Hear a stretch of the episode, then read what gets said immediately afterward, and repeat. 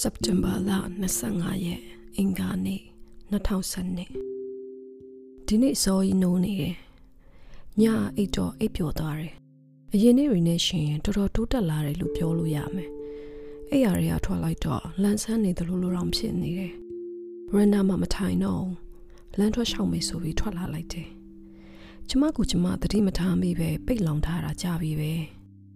ဒီရက်ပိုင်းတွေမှာကျမသွားဖြစ်တဲ့နေရာတွေဆိုလို့ဆိုင်တွေသင်တန်းတွေရှိမယ်ဆရာဝန်နဲ့သွားတွေ့ရရှိမယ်တခါတလေတာရစီကိုသွားဖြစ်မယ်တခြားချိန်တွေဆိုအိမ်မှာပဲနေနေတာများပါတယ်ဒီတော့ကြောင်ကရန်ဖြစ်နေတာဘာမှမဆန်းအိမ်ကနေထွက်ညာဘက်ကိုချိုးပြီးကင်လီလန်းရောက်တော့ဘယ်ဘက်ကိုကွေ့လိုက်တယ် Rose Beer ဆိုင်ကိုကြော်လာတယ်အရင်ကဆိုဒီကိုအမြဲလာနေကြဘာဖြစ်လို့ဆက်မလာဖြစ်တော့တာလဲမမှတ်မိတော့ ကျမကတော့အရင်ကတည်းကဒီဆိုင်ကိုတိတ်မကြိုက်ဘူးတဆိုင်လုံးမှာအသက်40ကျော်စုံတွဲတွေနဲ့ပြည့်နေတာအရက်ကိုမူးနေအောင်တောက်ပြီးကိုတွဲနေတဲ့သူထက်ပိုတာတဲ့ပိုချောတဲ့သူတွေကိုလိုက်ငန်းနေရင်နောက်တစ်ယောက်ပြောင်းမှုတတ်တည်များရှိလာမလားစဉ်းစားနေကြတဲ့လူတွေဒါကြောင့်ဒီကိုဆက်မလာဖြစ်တော့တာတင်နေအခုရှောက်နေရင်ဘီယာဆိုင်နဲ့တခြားဆိုင်တွေကိုကြော်လာပြီအဝေးမသွားချင်ဘူးခြေတော့အညောင်ပြေုံလောက်ပဲရှောက်ချင်တာမနဲ့စောစောအပြင်ထွက်ရတာကောင်းတယ် ကြောင်းသွားမဲ့ကလေးတွေမရှိသေးဘူးရုံသွားမဲ့လူတွေလည်းမထွက်ကြသေးဘူးလမ်းတွေရှင်းပြီးတန့်နေတယ်ဘယ်ဘက်ကိုထပ်ကွေးလိုက်တယ်ကစားကွင်းသေးသေးလေးရှိတဲ့နေရာကိုလမ်းလျှောက်ဆင်းသွားလိုက်တယ်ကျမတို့ပတ်ဝန်းကျင်မှာစိမ့်လန့်တဲ့နေရာဆိုလို့ဒီနေရာပစ္စည်းလေးပဲရှိတာပန်းညံထဲမှာဘူးမှမရှိသေးဘူးနောက်တနားရီနှစ်နာရီလောက်ဆိုရင်တော့ကလေးပေါက်စာတွေကလေးအမေတွေနဲ့ပြည်လာတော့မှာအားကစားမမလှလှတွေလည်းရောက်လာကြတော့မယ်ပန်းချံကိုကြောပြီး Roseberry လမ်းဘက်ကိုရှောက်လာလိုက်တယ် ဒီနေရာကနေညာဘက်ကိုထပ်ချိုးလိုက်ရင်ပြကန်းရှိတဲ့နေရာကိုရောက်ပြီးကျမအလုပ်လုပ်ခဲ့တဲ့ပြကန်းပေါ့အခုတော့ပြကန်းနေရာမှာဆိုင်ကန်းအလွတ်ပဲရှိတော့တယ်ပြကန်းနေရာဟောင်းကိုကြည့်လိုက်မိတိုင်းကျမစိတ်ထဲမှာနာနေတော့မယ်ဒီပြကန်းအောင်မြင်ဖို့ကျမအရန်စူးစမ်းခဲ့ရတာလေအစမပြေခဲ့တာကအချိန်နဲ့နေရာအခက်မသိလို့ပဲနေမှာပါဒီလိုပတ်ဝန်းကျင်မှာဒီလိုစီးပွားရေးအခြေအနေမျိုးမှာအမှုပညာပြကန်းတစ်ခုအောင်မြင်ဖို့မဖြစ်နိုင်ဘူးလေ ညာဘက်ကိုမကွေပဲဘယ်ဘက်ကိုချိုးလိုက်တယ် Tesco store ဆိုင်ကိုကြော်လာတယ်ဘီယာဆိုင်နောက်တစ်ခုကိုကြော်လာတယ်ဒီဆိုင်ကဒီနားတစ်ဝိုက်ကလူတွေပဲလာကြတာကျမရင်ထဲတလက်လက်ဖြစ်လာတယ်ကြောက်တယ်လို့လို့ဖြစ်လာတယ်ဟိုလင်မယားနဲ့တိုးမှဆိုလို့သူတို့နဲ့တွေ့လိုက်တိုင်းမျက်နှာကိုဘယ်နာထားမှမသိဖြစ်ချင်နေတယ်ကျမအလုတ်သစ်ရှာမတွေ့သေးဘူးဆိုတာကျမကိုကြည့်လိုက်တာနဲ့သိမှာပဲလေ သူတို့စီမှာကလေးဆက်မထိန်ကျင်တော့လို့အလုပ်ရပြီဆိုပြီးညာပြောခဲ့တာကိုလည်းသိမှာပဲအန်နာကိုမျက်နှာချင်းဆိုင်ရတာခက်တယ်ထုံကတော့မသိချင်အောင်ဆောင်နေတာပဲအန်နာကမရဘူးကျမအလုပ်ထွက်သွားတာသူ့ကိုမကြိုက်လို့သူကလေးကိုမချစ်လို့ဆိုပြီးထင်နေပုံပဲတကယ်တမ်းကသူကလေးနဲ့ဘာမှမဆိုင်ဘူးကလေးကတစ်ချိန်လုံးငိုယူအော်ဟစ်နေတော့ချစ်တော်လည်းမချစ်ဘူးပေါ့လေဒါပေမဲ့ကလေးကြောင့်မဟုတ်ဘူးဒီထက်ပိုရှုပ်တယ်သူ့ကိုရှင်းပြလို့လည်းမဖြစ်နိုင်ဘူး အဲ့ဒါကြောင့်နှစ်ယောက်စလုံးကိုမျက်နှာချင်းမဆိုင်ချင်တာကျမအခုအိမ်ထဲကအိမ်ပြေတိတ်မထွက်ဖြစ်တာသူတို့လင်မယားကြောင့်လည်းအများကြီးပါတယ်နေအောင်လုံးတခြားနေရာကိုပြောင်းသွားရင်ကောင်းပါပဲအန်နာကတော့ဒီနေရာမပြောတာသိကြတယ်သူအခုနေနေရတဲ့အိမ်ကိုလည်းမုန်းနေတဲ့ပုံပဲထော့မရင်မိမကြံခဲ့တဲ့ပစ္စည်းတွေကြားမှာနေနေရတာလေပြီးတော့ယထာတွေတကြုံကြုံဖြတ်သွားနေအောင်လည်းကြိုက်မှာမဟုတ်ဘူးလမ်းတော့ရောက်တော့ကျမခဏရလိုက်တယ်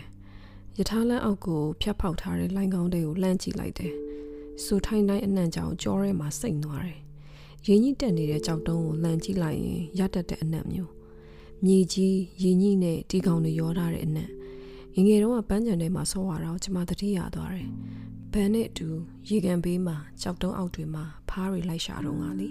။ကျမအရှိကိုဆက်လျှောက်တယ်။လမ်းပေါ်မှာဘယ်သူမှမတွေ့ဘူး။ထော်မလည်းမရှိ အန်နာလည်းမရှိစိတ်သက်သာရရသွားပေမဲ့တကယ်ကတော့ကျမကိုယ်ထဲမှာပုံနေတဲ့ဇလန်းရှုပ်ချင်တဲ့စိတ်တစ်ပိုင်းတစ်စားကြောင့်နည်းနည်းတော့စိတ်ပြတ်သွားမိတယ်ညနေစကော့ဒီနေ့အိမ်ပြန်နောက်ကြမယ်တဲ့ဒုက္ခပါပဲတရက်လုံးနေမရထိုင်မရဖြစ်နေတာစိတ်ထဲမှာရောက်ရက်ခံနေတာငြိမ်ငြိမ်ထိုင်နေလို့မရဘူးစကော့ပြန်လာပြီးကျမကိုစိတ်အေးအောင်နဲ့သိပ်ပြီးမှအဆင်ပြေမှာအခုတော့ဘယ်နှနာရီကြာအောင်စောင့်ရမလဲမသိဘူးအုံနောက်ကဟိုပြေးလိုက်ထိပြေးလိုက်ဖြစ်နေတယ် ဒီညတော့အိတ်လို့ရမှာမဟုတ်ဘူးဒီမှာထိုင်ပြီးရထားတွေကိုကြည်နေရတာအဆင်မပြေဘူးစိတ်ထဲမှာတလက်လက်ဖြစ်နေတယ်ရင်မထဲမှာငက်တကောင်ဝင်တောင်းချမ်းနေတယ်လို့ပဲတစ်ဖြတ်ဖြတ်နေညဖက်နှက်ကိုကောက်ဆုပ်ပြီးအောက်ထပ်ကိုဆင်းလိုက်တယ်အိမ်ပြင်ကိုထွက်ဘလန်ဟိလန်ပေါ်တက်လိုက်တယ်ည9နာရီခွဲလောက်ရှိပြီအလုတ်ကပြန်လာတဲ့လူတချို့ကလွှဲရင်လမ်းပေါ်မှာတခြားဘသူမှမတွေ့ရအောင်အိမ်နောက်ဘက်ပန်းချံတွေထဲမှာကစားနေကြတဲ့ကလေးတန်တွေတော့ကြားနေရတယ်။ နှွေမကုန်ခင်ရက်ရက်နောက်ဆုံးနေအောင်အောင်မှာညစာစားဖို့အိမ်ထဲမဝင်ရသေးခင်အားရပါရဆော့နေကြတာ။ဘူရာယုံဘက်ကိုလမ်းတိုင်းဆက်လျှောက်သွားလိုက်တယ်။အိမ်နံပါတ်23ရှေ့ရောက်တော့ခဏရက်လိုက်တယ်။တကားခောက်လိုက်ရင်ကောင်းမလား။ဘာပြောရမှာလဲ။တကြားကုံသွားလို့နည်းနည်းပေးပါလို့တောင်းရမှာလား။ဒီလိုပဲစကားပြောချင်လို့ပါလို့ပြောရမှာလား။ခန်းစည်းတွေတဝက်ပွင့်နေတာတော့လမ်းမြင်ရတယ်။အထဲကိုလမ်းကြည့်တော့ဘယ်သူမှမရှိဘူး။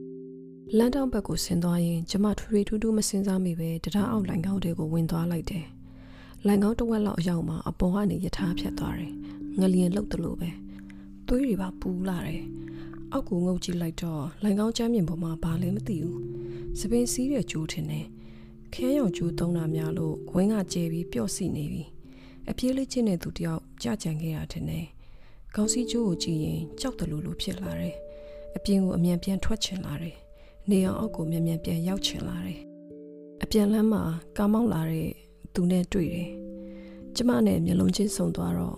သူကပြုံးပြတယ်။ Rachel ဇူလိုင်လ12ရက်တောက်ကြနေ့2023မနက်အရန်ပင်ပန်းနေတယ်။နိုးတယ်လို့မနိုးတယ်လို့ဖြစ်နေတယ်။အရက်တော့လိုက်ရင်အိတ်လို့မရတော့ဘူး။နှစ်နာရီလောက်ပဲခောက်ကနေမိသွားတယ်။ နိုးလာရင်ကြောက်စိတ်အပြည့်နဲ့ကိုကိုကိုယွန်းနေတတ်တယ်။အရက်မတော့ဖြစ်တဲ့နေ့တွေကြတော့လူသေးတယောက်လိုအိပ်ပျော်သွားတတ်တယ်။ဘာဆိုဘာမှမသိတော့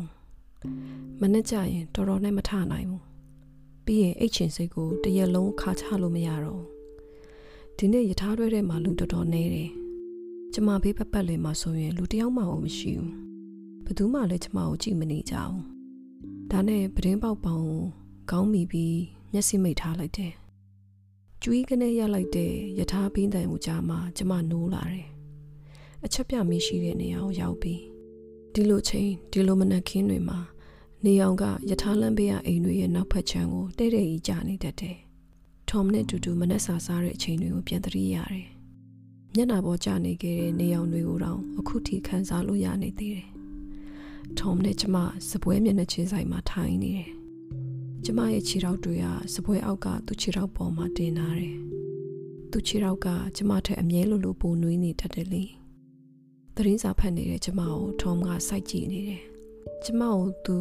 အဲ့လိုကြည့်ပြီဆိုရင် ကျမရဲ့ဘားတွေရဲတက်လာတတ်တယ်။ဘားပြင်ကသွေးရောင်ကလည်းလေပင်အထိနေဆင်းသွားတတ်တယ်။ကျမမျက်တောင်ခဏနာခတ်ထုတ်လိုက်တယ်။ထုံမရှိတော့ဘူး။ယထာကအချက်ပြမိမှရက်နေတော့မယ် ယထာပရင်ပေါက်ကနေ just တို့အိမ်ဘက်ကိုကျမလမ်းကြည့်လိုက်တော့ပန်းချံထဲမှာ just မတ်တက်ရက်နေတာကိုလမ်းမြင်ရတယ်။အိမ်ထဲကနေယောက်ျားတစ်ယောက်ထွက်လာတယ်။လက်မှာဘာကင်ထားရလဲမသိဘူး။ကော်ဖီကွက်ထင်တယ်။သူ့ကိုတေချာကြည့်လိုက်မှဂျေဆန်မမဟုတ်တာ။ဒီတယောက်အရက်ပူရှိတယ်။ပူပိန်တယ်။အသားပုံမဲတယ်။ just ရဲ့အကူလား။ဂျေဆန်ရဲ့ညီလား။သူကကော်ဖီကွက်ကိုစပွဲပေါ်မှာအသာတင်လိုက်တယ် ဩစတြေးလျကနေလာလေတဲ့ညီကိုတဝမ်းခွဲဖြစ်မယ်ထင်တယ်။တပတ်နှစ်ပတ်ပဲခဏလာနေမယ်သူမျိုး။ဒါမှမဟုတ်ဂျီဆန်ရဲ့အချစ်ဆုံးတငယ်ချင်းလား။မင်္ဂလာဆောင်မှာတို့တာအရင်လုတ်ခဲ့တဲ့သူလား။ Jess ကသူ့စီကိုရှောက်သွားတယ်။သူ့ခါကိုဖတ်တယ်။သူ့နှကန်းကိုနမ်းလိုက်တယ်။ယထာပြန်ထွက်ပြီ။ကျမမယုံနိုင်ဘူး။အသက်တောင်ဆက်မရှူနိုင်အောင်ဖြစ်သွားတယ်။ Jess ဘလို့လှုပ်လိုက်တာလဲ။ဂျီဆန်သူ့ကိုဒီလောက်ချစ်တာအောင် ချစ်မန်းဒီလောက်တိတာနေတာ哦အပျော်ဆုံးစုံတွဲလေဘယ်လိုစိတ်မျိုးနဲ့ဂျေဆန်ကိုဒီလိုလောက်ရက်တယ်လဲစိတ်ပြတ်သွားတဲ့ဝိညာဉ်ဆိုကကျမကိုယ်တွေကိုစီးဝင်လာတယ်ကျမကိုညာလိုက်တယ်လို့ကျမကိုယ်တိုင်ဖောက်ပြန်ခံလိုက်ရတယ်လို့ဖောက်ပြန်ခံရတဲ့ခံစားချက်ကိုကျမရင်းရင်းနှီးနှီးသိနေတယ်ဒီလိုဘဝမျိုးရောက်ဖူးခဲ့ပြီပြီလေကျမလည်းတုန်းကတော့ဒီထက်အများကြီးဆိုတာပေါ့ပိုလဲနာတယ်ဒါပေမဲ့ဝိညာဉ်ကတော့တူတူပဲနေမှာပါ ဒီလိုဝေဒနာမျိုးကိုဘယ်တော့မှမေ့မှာမဟုတ်ဘူးမေ့လို့ကောင်းတဲ့အရာလည်းမဟုတ်ဘူးအခုခေတ်မှာဖောက်ပြန်နေသူတွေကိုဘယ်လိုဖမ်းမိကြတယ်လဲမသိဘူးကျမလေတုန်းကတော့အီးမေးလ်တစ်စောင်ကိုဖတ်မိလို့တောင်ဖောက်ပြန်နေတာကိုသိသွားတာအီးမေးလ်ဆိုတာဒီနေ့ခေတ်ရဲ့ကော်လာဘော်ကနှခမ်းနေပေါ့ကျမတမင်ဖွင့်ပတ်ခဲ့တာမဟုတ်ဘူးတကယ်ပြောတာထောမ်ကသူ့ကွန်ပျူတာကိုကျမကိုပေးမခိုင်းဘူးသူ့လုပ်ရဲ့အရေးကြီးဖိုင်တွေပြတ်မှာဆိုလို့ ဒါမှမဟုတ်ဟိုနေဒီနေနဲ့ virus တွေဝင်ကုန်မှာဆိုလို့တဲ့တခါတော့ကျမသူ့ကွန်ပျူတာကိုကလစ်ရင် email လိပ်စာတွေအကုန်လုံးမားဖြစ်မိသွားတယ် reach နင်းပညာနဲ့ပတ်သက်ရင်ဘာမှမလုပ်ပါနဲ့လား Tom ကညီးရဲ့အဲ့ဒီတည်းကကျမကိုကွန်ပျူတာပေးမကင်တော့တာပဲဒါပေမဲ့အဲ့ဒီတော့ကကျမမှာ Tom မသိအောင်ကြံစီထားတာတခုရှိနေတယ်လေကျမကြီးကြားခဲ့သမျှတွေညှူဆူခဲ့သမျှတွေပြေးသွားအောင် ပြီးတော့ Tom ကိုလည်းချော့ချင်လို့ ကျမတို့နှစ်ယောက်ရဲ့လေးနှစ်မြောက်နှစ်ပတ်လေးမှာခီးထွက်ဖို့စီစဉ်ချင်တာထော်မသိအောင်ခိုးပြီးစီစဉ်ထားပေးချင်တာအဲ့လိုလုပ်ဖို့ဟာသူ့အလုံးနဲ့ပတ်သက်တဲ့ရချင်းတွေကိုကြိုသိမှရမယ်လေဒါမှသူ့အလုံးနဲ့မတိုင်အောင်ရှောင်ပြီးစီစဉ်ပေးလို့ရမှာ哦ခိုးကြောင်ခိုးဝဲဆက်စုချင်းစိတ်လည်းမရှိခဲ့ပါဘူး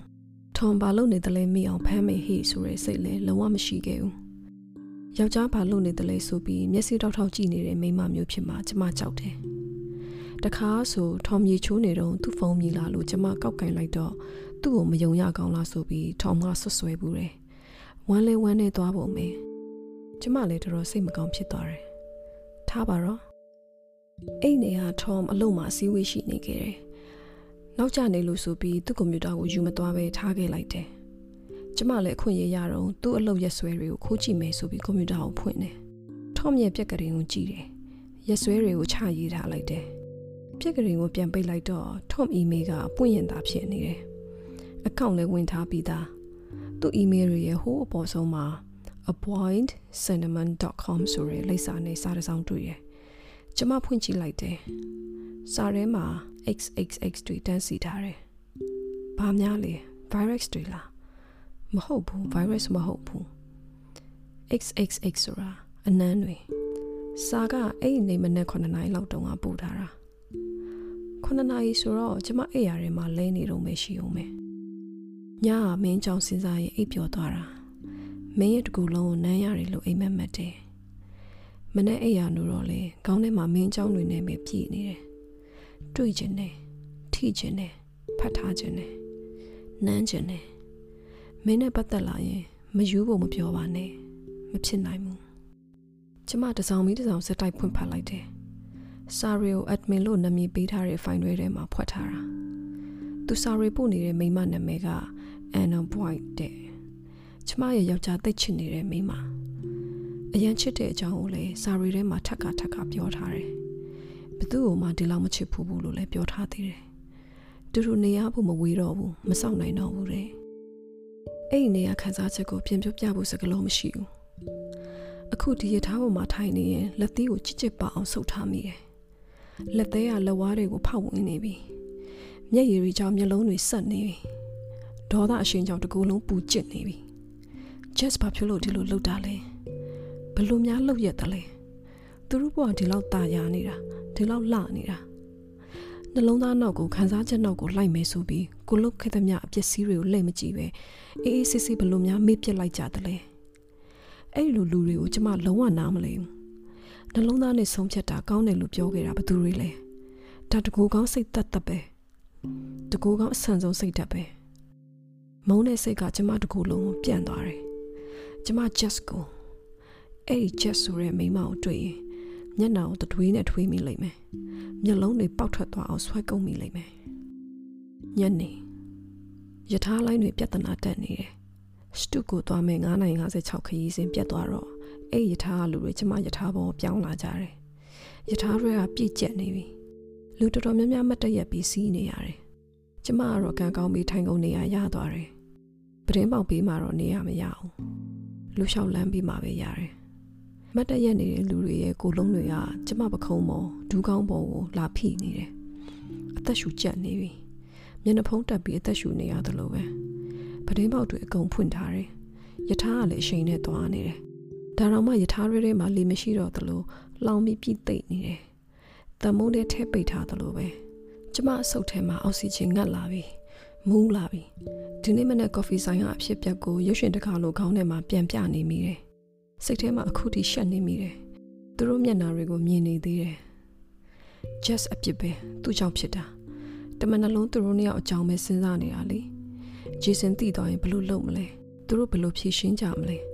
ဂျေဆန်ဘဝရောကျမတို့ကလိုပဲတစားစီစုပ်ပြတ်သွားမလားတွေးရင်လမ်းလျှောက်ရင်ကျမကိုကျမဘယ်ရောက်လို့ရောက်မှမသိဘူးဖြစ်သွားတာ Huntington Whiteley ဝန်ထမ်းတွေထိုင်နေကြကော်ဖီဆိုင်ထဲကိုကျမရောင်ပြီးဝင်သွားမိတယ်။ဘာမှမစင်စားပဲဝင်သွားလိုက်တာ။သူတို့ကိုတွေ့တော့ကျမအထဲဝင်ပြီးသားဖြစ်နေပြီ။ပြန်ထွက်ဖို့နောက်ကျသွားပြီ။အားလုံးကျမကိုဝိုင်းကြည့်နေကြပြီ။မျက်လုံးအပြူးသားနဲ့ကြည့်နေကြတာ။တော်တော်ကြာမှညနာမှာအပြုံးတွေကောက်တက်လို့တတိယသွားကြတယ်။ Martin Mal, Sasha, Harriet သူတို့သုံးယောက်စလုံးရဲ့မျက်နှာတွေကအန်တန်တန်ဖြစ်နေကြတယ်။ဟာ Rachel မာတင်ကနှုတ်ဆက်တယ်။ကျမကိုလမ်းဖက်တယ်။ထင်မထားတော့ကျမကြောင်တောင်တောင်နဲ့အဖက်ခံလိုက်တယ်။လက်တွေကိုဘယ်နာထားလို့ထားမှမသိဘူး။ဆာရှာနဲ့ဟယ်ရီယက်ကပြုံးပြတယ်။ကျမကိုပါချင်းရှက်ပြီးမထိအောင်နမ်းကြတယ်။ကျမနာအယမ်းမကတ်မိအောင်ထိန်းထားကြတယ်။ Richard ဘယ်ကဘယ်လိုရောက်လာလဲ။ ကျမတော်တော်လေးကြာအောင်အတန်တိတ်သွားတယ်။ကျမ်းမြင်ကိုပဲငုတ်ကြည့်နေလိုက်တယ်။အပူရှိန်ကမျက်နှာပေါ်ကိုတစ်ထစ်ချင်းတက်လာတယ်ဒီလိုအကြိုင်းစဉ်းစားနေရင်ပို့ပြီးရုပ်ပြတ်တော့မှာပဲစူးစမ်းပြီးတစ်ချက်ရဲလိုက်တယ်ပြန်ဖြေလိုက်တယ် interview interview ရှိလို့ဟုတ်လားမာတင်မျက်နှာကအော်ရဲ့အရေးကထိမ့်မရပဲဖြတ်ပြေးသွားတယ်ဆာရှာနဲ့ဟယ်ရီယက်ကပြုံးပြီးခေါင်းညိတ်တယ်အင်တာဗျူးရှိတာလား ဘသူစီမှာလဲကျမပါဆက်သေးကိုဘာစကလုံးမှရောက်မလာအောင်ပြောပြစရာ company နာမည်တစ်ခုမှစဉ်းစားလို့မရအောင်အေဂျင့်မြေရောင်းဝယ်ရေး company ပဲဖြစ်ဖြစ်ကြော်ညာလုပ်ငန်းတစ်ခုခုပဲဖြစ်ဖြစ်ဒါပေမဲ့ဘာမှထွက်မလာပဲကျမဒီတိုင်းပဲရက်နေမိတယ်။အောင်နှခမ်းကိုလက်ညှိုးနဲ့ပုတ်ရင်ခေါင်းတရမ်းရမ်းဖြစ်နေတယ်။တော်တော်ကြာတော့မှမာတင်ကဝင်ပြောတယ်။ထိတ်တန်းလေးဝက်ချက်ဆိုပါတော့တချို့ company တွေကအဲ့ဒီလိုပါပဲအရန်ရှူတတ်တာဟုတ်တယ်မလား စာချုပ်မချုပ်ရသေးခင်ထိဘာမှပြောခွင့်မရှိဘူးလေအတိတ်ပဲမရှိတာတွေပြောနေတာအတိတ်ပဲမရှိမှန်းမာတင်လည်းသိတယ်ကျမအရှက်မကွဲအောင်ဝင်ဖာပေးလိုက်တာ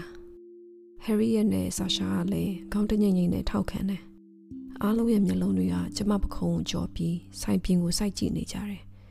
ထွက်ပြေးချင်နေကြတဲ့ပုံပဲကော်ဖီသွားမှလိုက်အောင်မယ်ကျမပြောလိုက်တယ်အင်တာဗျူးနောက်ကျနေမှာဆိုလို့ မာတင်ကကျမလက်မောင်းကိုအသားကိုင်းပြီးပြောတယ်အခုလိုတွေ့ရတာတကယ်ဝမ်းသာတယ်ရီချယ်တနာတဲ့အရေးရောင်တွေကသူ့မျက်လုံးတွေကနေအပြင်ကိုတော့ဖိတ်ကြနေပြီအတနာခံရတာဘလောက်ရှက်ဖို့ကောင်းတယ်လေဆိုတာလွန်ခဲ့တဲ့တနေ့နှစ်နှစ်လောက်ကစပြီးကျမသဘောပေါက်လာတာကော်ဖီဆိုင်ကထွက်လာပြီးတော့စာကြည့်လိုက်ကိုသွားမယ်လို့စဉ်းစားထားတာဒါပေမဲ့မသွားဖြစ်တော့ကျမ recheck ဘန်ချန်တွေကိုပဲသွားလိုက်တယ် ပန်းချန်ရဟိုးအထက်အစွန်းဘက်ထိရှောက်သွားလိုက်ပြီးတဖမ်းမင်တပင်ရဲ့အရေးအောင်မှာထိုင်ချလိုက်တယ်တရက်လုံးဘာမှလုပ်စရာမရှိပဲဖြုံးရအောင်မဲ့အချိန်တွေကြောင့်စဉ်းစားနေလိုက်တယ်ကော်ဖီဆိုင်ထဲကအဖြစ်ပြက်ကိုပြန်တွေးနေလိုက်တယ်။အပင်အောက်မှာထိုင်နေတာနိုင်ဝက်လောက်ကြာတော့ဖုန်းမြည်လာတယ်။ Tom ဆက်တာပဲ။အိမ်ဖုန်းနဲ့ဆက်နေတာ။သူ့အိမ်ရဲ့ထမင်းစားကန်းထဲမှာထိုင်နေတဲ့ Tom ကိုမြင်အောင်ကြည့်ရဲ့။ဒါပေမဲ့မျက်စိထဲပေါ်လာတဲ့ပုံရိပ်ကမလမပါကြီးဖြစ်နေတယ်။ Tom ဘေးနာမှာဟိုမိမရှိနေမှလေ။သူ့ကလေးကိုနှိပ်လေစာကျွေးနေသလား။ Tom အတွက်လက်ဖက်ရည်ဖြော်ပေးနေသလား။ Tom အနာကခွာမှာမဟုတ်ဘူး။ကျမဖုန်းကိုမကင်ပဲ voice mail တွေကိုပဲလွှဲလိုက်တယ်ဖုန်းကိုအိတ်ထဲပြန်ထည့်ပြီးမသိချင်အောင်စောင့်နေလိုက်တယ်ဘာမှထပ်မကြားချင်တော့တော်လောက်ပြီဒီလောက်ဆိုရင်လုံလောက်ပါပြီမနက်10နာရီမခွဲသေးဘူးဘဝကတော်တော်ပြက်နေပြီလေဒါပေမဲ့ကျမမနေနိုင်ပါဘူး3မိနစ်လောက်ပဲစိတ်ထိန်နိုင်တယ် ဖုန်းကိုအိတ်ထဲကထုတ်ပြီး voice mail ကိုပြန်ခေါ်လိုက်တယ် Tom အတန်ကိုကြားရအောင်မဲ့ဝေဒနာအတွက်အသင့်ပြင်ထားလိုက်တယ်တစ်ချိန်ကရေရေမောမောနွေးနွေးထွေးထွေးရှိခဲ့ဘူးတဲ့သူ့အတန်အခုတော့တနာတဲ့ဖြောင်းပြတဲ့တတိပေးတဲ့အတန်ဒါပေမဲ့အခုကြားရတာသူ့အတန်မဟုတ်ဘူးရီချယ်လာကျမပါအန်နာပါကျမဖုန်းချလိုက်တယ်အသက်ရှူလို့မရအောင်ခေါင်းထဲမှာတတုတ်တုတ်မြည်လာတယ် အသားတွေပူကျက်လာတယ် touch fee လမ်းတောက်ကအရက်ဆိုင်ကိုထသွားလိုက်တယ်ဂျင်းနဲ့ထောင်းနဲ့ရောထားတဲ့တန်မိုးလေးဘူးဝယ်လိုက်တယ်။ပန်းချန်တွေကအပင်အောက်ကိုပြန်လာတယ်။ပထမတပူကိုဖွင့်ပြီးအကုန်ကုန်အောင်မော့ချလိုက်တယ်။ဒုတိယတပူကိုဖွင့်တယ်။လူသွားလမ်းကိုကြောပေးထားလိုက်တယ်။ငငယ်တုန်းကကစားသလိုပေါ့။သူတို့ကိုကျမမမြင်ရရင်သူတို့လည်းကျမကိုမတွေ့ရတော့ဘူး။ Vice Me ကိုနောက်တစ်ခါထပ်ခေါ်လိုက်တယ်။ Richard လား ကျမပါအန်နာပါအန်နာကစကားဆက်မပြောဘဲအကြာကြီးတိတ်သွားတယ်ရှင်ဖုန်းဆက်ဆက်နေတဲ့ကိစ္စကိုပြောချင်လို့စကားဆက်မပြောဘဲရက်နေပြန်နေအိမ်လှုပ်လှုပ်ရင်ဖုန်းပြောနေတာဖြစ်မယ်အိမ်ရှင်မဆိုတော့အလုရှုံနေမှာပေါ့အခန်းတွေရှင်အဝတ်လျှော်စက်ထဲကိုအဝတ်တွေထဲရူချယ်ကျမပွပွလေးလေးပဲပြောမယ်ရှင်အခုတလောအဆင်မပြေဘူးဆိုတာကျမသိတယ်နားလေတယ်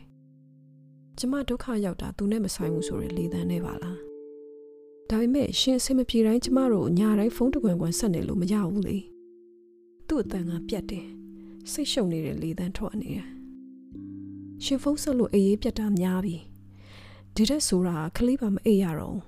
EV ကိုနောက်ဆက်တာတော့ကျမလုံးဝလက်မခံနိုင်ဘူး EV ညဘက်အိပ်ပျော်အောင်ကျမတို့နေအောင်မနှဲချော့သိမ့်နေရတာညဘက်အိပ်ပျော်အောင်ကျမတို့နေအောင်မနှဲချော့သိမ့်နေရတာဆိုပါလား ကျမတို့ကျမတို့ရဲ့မိသားစုလေးကျမတို့မိသားစုပြဿနာတွေကျမတို့မိသားစုအလုပ်တွေဆိုပဲခွေးမသူများအတိုက်ထဲမှာဥလောင်ဥသွားတဲ့ငတ်ဆုံးမကျမပိုင်ဆိုင်သမျှတွေကိုလည်းအကုန်လူယူသွားတယ်ခိုးသွားတယ်အခုကျမကိုဖုန်းဆက်ပြီးကျမဒုက္ခရောက်နေတာသူ့အတွက်အဆင်မပြေဘူးလို့ပြောရဲတယ်ဒုတိယတပူကုံသွားပြီနောက်တပူဖောက်တယ်သွေးတွေကိုဆင်းကျသွားတဲ့အရက်အရသာခဏပဲခံတယ်အန်ဂျင်းလာတယ် တောက်တာအယမ်းမြန်သွားပြီအရှိန်လျှော့မှဖြစ်မယ်မလျှော့ရင်အယမ်းပူသွားရင်ကျမအမားတစ်ခုခုလုံမိတော့မယ်ဟိုမိမကိုဖုန်းပြန်ဆက်မိမယ်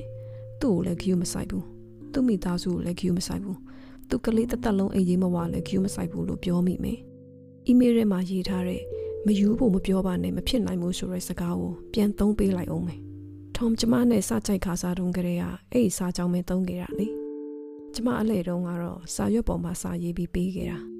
အရန်ချစ်ပါသည်ပေါ့လေ။ပြီးတော့အဲ့ဒီစာကြောင်းကသူကိုယ်တိုင်ရေးတာတော့မဟုတ်ဘူး။ Henry Miller ဆိုတဲ့စာရေးဆရာစီကခိုးချထားတာ။ရေးစားစာတွေမကောင်းဘူး။အန်နာဆိုတဲ့ကောင်မအခုသုံးနေတဲ့များပစ္စည်းတွေအားလုံးကကျမအကြရီပဲ။အဲ့လိုပြောလိုက်ရင်အဲ့ကောင်မှတက်သေးသွားမလားသိချင်တယ်ဖုန်းဆက်ပြီးမေးချင်တယ်ငါအကြရီသုံးနေရတာအဆင်ပြေရဲ့လားငါဝယ်ထားတဲ့ပစ္စည်းတွေကြားမှာနေနေရတာငါနဲ့ထုံတူတူအိတ်ခဲ့တဲ့အိတ်ရပေါ်မှာအခုအိတ်နေရတာ ငါယောက်ျားနဲ့အိတ်ခဲ့တဲ့ထမင်းစားစပွဲပေါ်မှာနစ်ကလေးကိုထမင်းကျွေးနေရတာအဲ့ဒီအိမ်မှာကျမရဲ့အိမ်မှာသူတို့ဆက်နေနိုင်ကြတာအော်လို့မဆုံးထုံပြောတော့ကကျမမယုံနိုင်ဘူး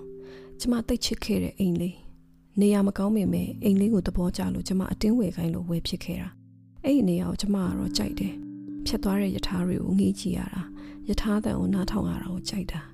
မြို့ထဲမှာသွားတဲ့ယထာတွေလိုဝီးကနေဝှက်ကနေအတန်တွေမဟုတ်ဘူးတကြုံကြုံတစ်ချက်ချက်မူလလက်ဟောင်းယထာတန်ထုံကပြောဘူးတယ်ဒါအခုမို့လို့ပါနောက်ပိုင်းကျရင်ဒီယထာတွေလည်းခင်မိလာတော့မှအမြန်ယထာတွေဖြစ်သွားမှာပဲတဲ့ကျမကတော့အဲ့ဒီလိုပြောင်းလဲသွားမယ်လို့မထင်ပါဘူးပတ်စံသာရှိခဲ့ရင်ထုံးစီကနေပြန်ဝယ်လိုက်မိမှာပဲဒါပေမဲ့ပတ်စံမလောက်ဘူးကျမတို့နှစ်ယောက်ကရှင်တော့အဲ့အိမ်ကိုပြန်ရောက်မှုစဉ်းစားတယ်ဈေးကောင်းကောင်းပေးမယ်ဝယ်သူရှာမတွေ့ဘူး ထုံကကျမကိုအိမ်မိုးပတ်စံအရင်အမ်းလိုက်မယ်ရောင်းရတဲ့ထီအဲ့အိမ်မှာသူဆက်နေလိုက်မယ်တဲ့ဒါပေမဲ့ဝယ်မဲ့သူကောင်းကောင်းမတွေ့ဘူးဒါနဲ့ဟိုမိမကိုခေါ်ပြီးအဲ့အိမ်မှာဆက်နေလိုက်တော့တာအန်နာကတော်ယုံနဲ့မဖြုံတဲ့မိမမှုဖြစ်မယ်အရင်မိမနေခဲ့တဲ့နေရာမှာဘာမှမဖြစ်တယ်လို့ဆက်နေနိုင်တာကျမကိုတစမ်းမကြောက်တဲ့ပုံမပေါ်ဘူး။ကောင်းတဲ့တော့ထည့်မစင်စားဘူးထင်တယ်။ ကြပြဆရာ Ted Haruch အကြောင်းကျမတွေးမိတယ်။ Haruch ကသူ့အရင်မိန်းမ Sylvia နဲ့နေခဲ့တဲ့အိမ်ကိုနောက်မိန်းမဖြစ်တဲ့ Esraviville ကိုခေါ်တင်တယ်။အရင်မိန်းမဝတ်ခဲ့တာတွေဝတ်ပေးတယ်။အရင်မိန်းမရဲ့ခေါင်းပြီးနဲ့စပင်ဖီးပေးတယ်။ကျမအန်နာကိုဖုန်းဆက်ပြီးတတိပေးခြင်းတယ်။ Weeville Sylvia တို့ပဲ gas မီးဖို့တဲ့ကောင်းထိုးပြီးသူ့ကိုယ်သူတတ်သေးသွားတယ်ဆိုတာ။အရက်ရှိန်နဲ့နေပူချိန်ရောပြီးကျမအိပ်ပျော်သွားတယ်ထင်တယ် လန့်ပြီးနိုးလာတော့လက်ကင်ရှိသေးရဲ့လားကမန်ကရန်ဆန်းလိုက်တယ်တော်သေးတယ်အိတ်ကရှိနေသေးတယ်ကျမတကူလုံးပရွက်စိတ်တွေအပြည့်ဖြစ်နေပြီအသားတွေကတစ်ဆက်ဆက်စူးနေတယ်ပရွက်စိတ်တွေကကျမစပင်ထဲမှာလေပင်ပေါ်မှာရင်ဘတ်ပေါ်မှာကျမထခုံလိုက်တယ်ပရွက်စိတ်တွေကိုခါချလိုက်တယ်ကျမနဲ့ခိုင်းနေဆဲလောက်အကွာမှာပန်းညံတဲ့ဘောလုံးလာကန်နဲ့ဆဲကျော်သက်ကောင်လေးနှစ်ယောက်ကကျမခုံပေါက်နေတာကိုကြည့်ပြီးရဲနေကြတယ်။ယထာရက်ပြီး Jess နဲ့ Jason အိမ်ရဲ့မျက်နှာချင်းဆိုင်မှာရက်တယ်။ကြားထဲမှာတခြားယထာတွဲတွေခံနေတယ်။တွဲတွေကလည်းလူပြည့်နေတော့ Jason တို့အိမ်ဘက်ကိုလမ်းမမြင်ရဘူး။သူတို့ဘယ်ရောက်နေကြလဲ။ Jason သိသွားပြီလား။ Jess ကိုထားခဲ့ပြီလား။ဒါမှမဟုတ်တန်လျက်ကိုရည်ထင်ပြီးဒီတိုင်းဆက်နေနေတော့မယ်လား